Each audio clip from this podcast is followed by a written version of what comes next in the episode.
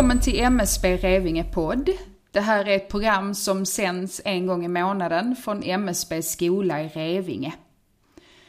Vad menas med krisstöd och vad kan jag som medmänniska göra för att hjälpa en person som hamnar i kris? Ja, det är någon av de frågorna som vi kommer att reda ut här i dagens avsnitt, där vi just kommer att ta oss an ämnet krisstöd. Annika Nordén, välkommen till programmet. Tack så mycket. Du är ju dagens gäst och är här för att prata om krisstöd. Mm. Ska vi göra så att du börjar med att presentera dig själv? Ja. Eh, jag heter Annika Nordén och eh, jag jobbar här i Revinge som lärare i ledarskap och krisstöd och har gjort det sedan 2014. Eh, innan dess har jag jobbat flera år som chef, projektledare och ja, samtalsledare i olika sammanhang.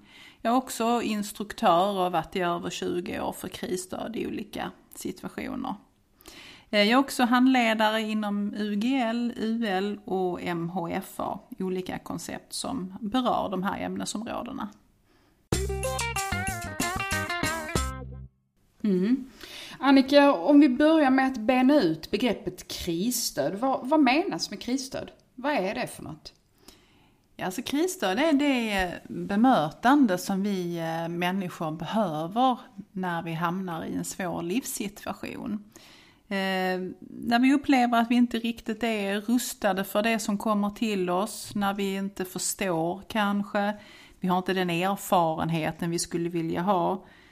Och eh, ja, vi räcker inte till för att hantera situationen. Det är då vi behöver krisstöd. Vi känner oss lite handfallna där vi står. För att beskriva krisstöd så brukar man numera eh, dela upp det i eh, tre delar det praktiska stödet, det psykologiska stödet och det sociala stödet. Och det praktiska stödet är ju det som det låter som. Inledningsvis så handlar det om att ja, bringa i säkerhet och trygghet för den som är drabbad. Komma bort ifrån det som skapar stress. Därefter så kan det vara allt från att få komma till en toalett, få mat på bordet, hämta barn på dagis eller få tvätten tvättad. Mm. Det psykologiska stödet, det handlar om hur vi bemöter människor, alltså hur vi stärker, uppmuntrar och lyfter fram det som vi ser faktiskt fungerar. Det handlar också om att förmedla information om reaktioner, att man normaliserar det här att det är okej okay och det är normalt att reagera, sätta reaktionerna i sitt sammanhang. Eh, det sociala stödet, det handlar om att vi blir sedda av vår omgivning. Att återförsäkras om vem vi är i förhållande till andra. Samhörigheten till nära och kära, det är en viktig återhämtningsfaktor. Och där är också kollegorna inräknade i den gruppen. Reaktionerna i en kris kan vara många olika slag, men generellt kan man säga att det är våra grundkänslor som är utbudet och känslorna visar det vi har upplevt. Att reagera det är normalt och det är också betydelsefullt att tydliggöra det för den som är krisdrabbad, att det är helt okej okay och normalt att reagera. Mm. Men vad kan jag mer göra som medmänniska då om jag vill hjälpa, liksom just för att hjälpa en person som, som hamnar i kris? Just att vara medmänniska som du säger, det är en bra sammanfattning på krisstöd. Vi kan alla bidra på olika sätt med olika saker utifrån vilka vi är. Först och främst så handlar det om att se personen, lyssna utan att döma, visa förståelse, empati, och vara med personen, tillbringa tid tillsammans. Försök inte att ignorera eller undvika. Den som befinner sig i kris behöver bekräftelse från omgivningen på lämpligt sätt och i lagom stora doser beroende på vad man har för typ av relation och vad det är för situation. Det handlar om att närvara, avläsa vilka behov som finns och stötta på lämpligt sätt. Eh, utan att för den skull ta ifrån personen dess egenansvar. Alltså inte hjälplösgöra människor utan låta människor göra det de faktiskt kan själva så långt som det är möjligt och bistå med stöd när så behövs. Det är lätt hänt att som stödperson att liksom ta över. Eh, det går fortare, det känns enklare. Men det mest konstruktiva för återhämtningens skull, det är att slå ner på tempot, lyssna in vilka behov som finns, inventera tillsammans möjliga lösningar och gemensamt se på vad som är möjligt och hanterbart att göra. Personen behöver alltså själv vara delaktig och medverkande så långt som det nu är möjligt i den rådande situationen. Omgivningen är viktig för oss människor. Att ha förstående och närvarande medmänniskor är en av de mest kraftfulla återhämtningsmetoderna. Medan man också kan se det motsatta, att har man en omgivning som är oförstående och dömande i sin hållning så är det en betydligt större sårbarhet för psykisk ohälsa i de situationerna. Det vetenskapliga stödet för vad en krisdrabbad person behöver kan man sammanfatta i fem principer som Stephen Hobfoll har forskat fram. De här faktorerna är lugn, trygghet, samhörighet, tillit och hopp. Och de här principerna kan man då omformulera också i någonting som heter psykologisk första hjälp som är avsett att vara ett verktyg att jobba med och där är de då formulerade i åtta steg. Man kan läsa mer i eh, gratisappen PFA, Psychological First Aid, om detta där det finns en hel del mer att läsa, både bakgrund och genomförande om psykologisk första hjälp. Man kan sammanfatta krisstöd i uttrycket watchful waiting. Och det handlar om att vaksamt närvara. Låta personen återhämta sig i sitt eget tempo. Där man inte föregår eller forcerar. Och visar välvilja, ger praktiskt stöd. Är själv lugn och nätverkar i syfte att tillgodose behov hos en krisdrabbade samt att man bistår och agerar då det behövs professionell hjälp. Mm. Jag tänker att en vanlig grej kanske kan vara det här att man gärna vill ge lite goda råd. Hur ser du på det? Är det något man ska hålla sig ifrån eller mer bara vara närvarande eller lyssna? Det, det beror, du nämnde. Ja, det beror lite på situationen. Eh, generellt brukar man vara försiktig med att ge råd som stödperson. Är man vänner, kollegor och har ett kamratstödsamtal så ja, då kommer personen ibland att fråga vad hade du gjort?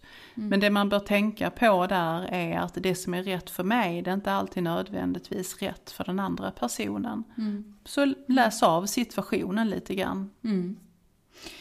Om man då själv skulle hamna i kris, alltså jag tänker kan man förbereda sig på något sätt för att möta kriser? Mm. Både ja och nej. Eh, det är ju inte möjligt att förbereda sig på alla oupptänkliga situationer som kan möta oss i livet. Vi vet aldrig på förhand exakt vilka förutsättningar som kommer att råda i en situation. Eh, går man till sig själv så är ju min dagsstatus olika från dag till dag. Har jag sovit bra natten innan? Eh, är jag orolig för någonting? Har jag en infektion i kroppen? Är jag glad eller ligger jag i konflikt med någon? Allt det här påverkar min förmåga att möta en situation. Tittar man då på situationen som jag möter så är där också en rad olika faktorer som är olika. Är det en överraskande och plötslig situation? Eller är det en okänd situation där jag inte har varit tidigare? Är det någonting som jag upplever är katastrofalt? Alla de här tre typerna det är faktorer som alltid ger ett starkt stresspåslag. Ytterligare faktorer som man kan se påverkar situationen det är vilka resurser som finns i mitt liv och hur det samhälle ser ut där jag lever och verkar vid det givna tillfället. Allt det här påverkar min förmåga att möta krisen. Annika, jag tänkte på när du sa det här med hur samhället ser ut. Kan, man, kan du utveckla det på något sätt? Alltså hur, Hur mm. menar du? Absolut, det, mm. det är skillnad att leva i Sverige idag om man jämför med att leva i Mali i Afrika mm. eller om vi lever i Bangladesh i Asien. Det är helt olika levnadsomständigheter och det påverkar oss människor vilka resurser vi har runt omkring oss. Mm. Det jag kan förbereda mer konkret är att leva ett så gott liv jag kan. Att försöka se till att jag mår så bra som möjligt.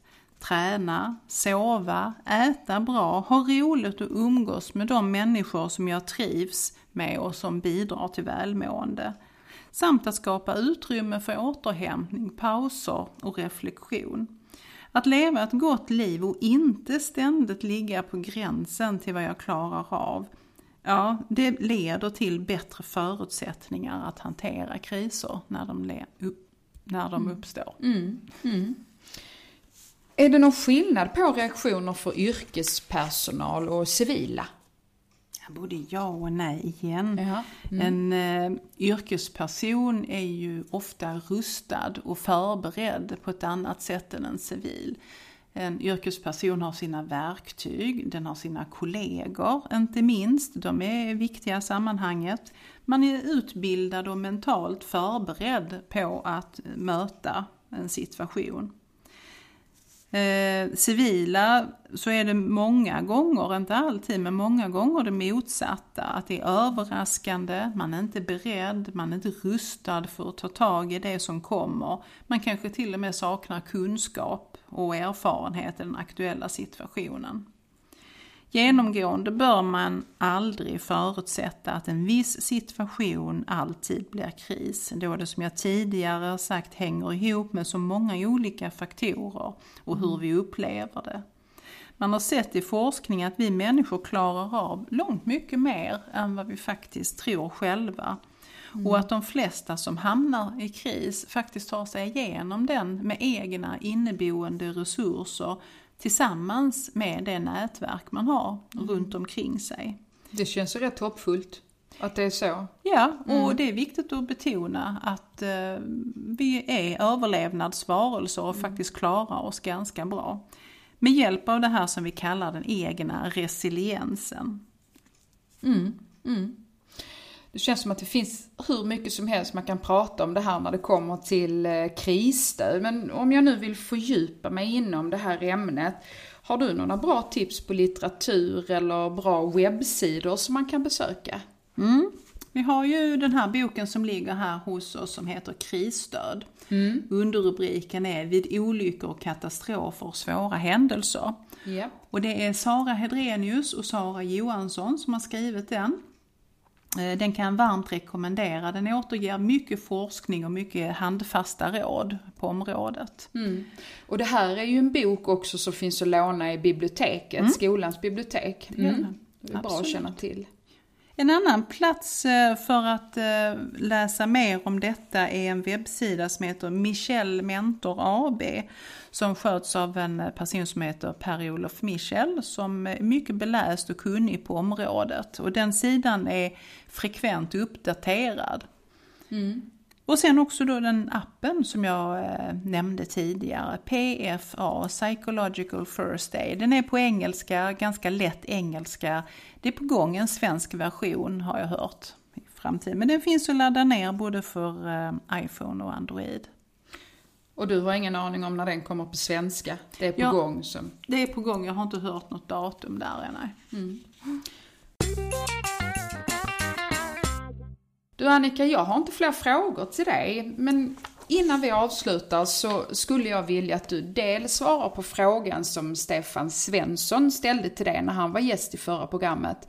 Mm. Och dels att du skickar vidare en fråga till nästkommande gäst. Ska mm. vi göra så att vi börjar med att lyssna på frågan som Stefan ställde till dig? Mm, det gör vi. Okej, okay. den löd så här. När vi pratar, eh, kanske inte så mycket kris, men kring ledarskap och, och, och, ledning, vilket också är ett litet favoritämne för mig då på något sätt. Så, så pratar vi ibland om ledarstilar, att man kan ha olika ledarstilar. Och den kanske Annika skulle kunna hjälpa mig att reda ut lite grann kring hur eh, dels vad ledarstil innebär men också vad det, alltså då för jag uppfattar det som att det finns lite olika ledarstilar man skulle kunna prata om. Hur det skulle kunna inverka vid en kris till exempel. Eller vid en räddningsinsats. Om jag ska, som, som chef i en räddningsinsats, om jag ska hantera detta. Hur inverkar detta med ledarstilar när vi pratar om kriser och risker? Ja, som eh, UL-handledare, utvecklande ledarskap, så väljer jag då att beskriva ledarstilar utifrån det som återges i UL. UL-modellen tar upp tre kluster kan man säga av ledarstilar. Där var och en av dem eh, innehåller flera olika komponenter. Börjar vi att titta på det destruktiva ledarskapet som ett kluster heter så innehåller det dels det passiva låt gå-ledarskapet samt det aktiva destruktiva ledarskapet som innebär en ledare som är aggressiv och arrogant mot sin personal. Mm. Går vi in i det andra klustret så kallas det för det konventionella ledarskapet och där ligger fokus mer kring eh, kontroll, krav, belöning och sådana saker. Det tredje klustret kallas för det utvecklande ledarskapet och det hörs ju på namnet att det är detta man strävar efter. Det inkluderar ett förhållningssätt med autenticitet människor emellan, personlig omtanke, att agera föredömligt samt verka för inspiration och motivation. Det som konstateras i UL är att alla ledare rör sig genom de här olika klustren av ledarstilar. Men att har man en medvetenhet och handlar inom det utvecklande ledarskapet så ger det en ökad gynnsamhet både för organisationen och individens resultat. En faktor som behöver parera med ledarstilen är den grupps mognad som man leder. Sätter vi samman Susan Whelans IMGD-modell över de fyra steg som en grupp har för att nå fram till att vara det effektiva teamet så kan man där urskilja vilket ledarskap och vilka ledarstilar som passar bäst i de olika faserna. Annika, jag tänkte, du nämnde om, om det här med gruppsmognad, om man skulle mm. kunna göra det lite mer konkret. Vad, mm. vad Så, tänker du då? Ja, Susan Whelan eh, beskriver ju fyra nivåer i eh, gruppens mognad. Okay. Mm. Och det första stadiet där eh, beskrivs då att gruppen behöver struktur, ramar, trygghet och öppenhet sinsemellan så man lär känna varandra helt enkelt. Och då behöver man en ledare som styr, ett styrande ledarskap. I andra stadiet, där är behoven att formulera gemensamma mål och hantera konflikter. Konflikterna är en viktig del i gruppens mognad och man kan inte navigera förbi dem utan man behöver lära sig hur hanterar vi dem i just vår grupp. Man ska inte vara rädd för att ta dem helt enkelt. Nej, Nej. precis. Mm. Så länge det är konstruktiva situationer som handlar om det vi jobbar med och inte ovidkommande saker utifrån så att säga. I den här nivån så behöver gruppen en ledare med en stödjande stil. I det tredje stadiet sen så behöver gruppen en ledare som samverkar och bidrar till att ledarskapet eh, börjar fördelas. Alltså nu är gruppen så mogen att den kan börja ta ledarskap själv. Och det kan då ambulera mellan olika medarbetare i gruppen. Här jobbar vi också med att finjustera olika roller. Den här gruppen är ganska duktig på det den gör nu. I fjärde stadiet, då har vi uppnått det som eh, Susan Whelan kallar det effektiva teamet. Och här behöver gruppen en ledare som man kallar för visionär, en ledare som visionerar. Och det innebär att den uppmuntrar innovationer, höga prestationer och har lite koll på omgivningen, omvärlden, vad som händer runt om, på vilket sätt det påverkar gruppens arbete. För gruppen är själv så upptagen att prestera på hög nivå så de förmår inte att se omvärlden. Så för att återgå till din fråga Stefan så är det en klar inverkan på alla situationer vilken ledarstil som utövas. I en risk eller krissituation så blir det ju än mer påtagligt. Mm. Exempelvis en grupp som befinner sig på nivå 3 enligt det jag beskrev innan är förhållandevis mogen grupp och självgående och om den leds på ett styrande sätt så som passar en nivå 1-grupp, ja då skapar det ju en del frustration och irritation i gruppen för de klarar sig en hel del själva. Och det i sig kan påverka effektiviteten. Så ledarstil i kombination med var gruppen befinner sig i sin mognad påverkar förmåga och effektivitet. Mm. Tack för det Annika. Jag är helt övertygad om att Stefan är nöjd med det här svaret. I nästa avsnitt så kommer Lasse Karlsson hit och pratar om hälsa och livsstil. Ja. Vilken fråga skulle du vilja skicka till honom? Ja, då ska jag skicka en fråga till dig Lasse som lyder så här. Eftersom vår mänskliga resiliens är en viktig bidragande faktor till hur vi klarar av kriser i livet så skulle jag vilja höra från dig Lasse, vilka är dina fem topptips på att må bra i livet? Mm. Ja, vilken bra fråga. Tack så mycket Annika för att du ville komma hit och prata om krisstöd. Det var jättekul att ha dig här. Tack så mycket. Jag som ställer frågorna, jag heter Lara Kristianadottir och nästa avsnitt kommer som sagt att handla om hälsa och livsstil och det får du inte missa. Hej då! Hej då!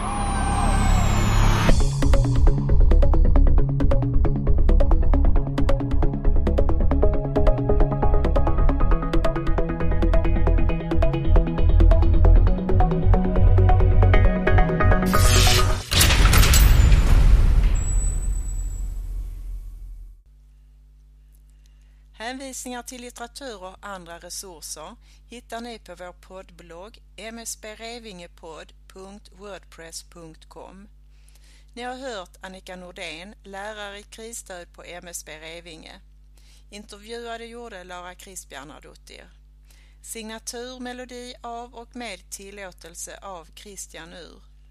Ljudupptagning och redigering av Charlotte Kristoffersen. MSB Revinge, september 2019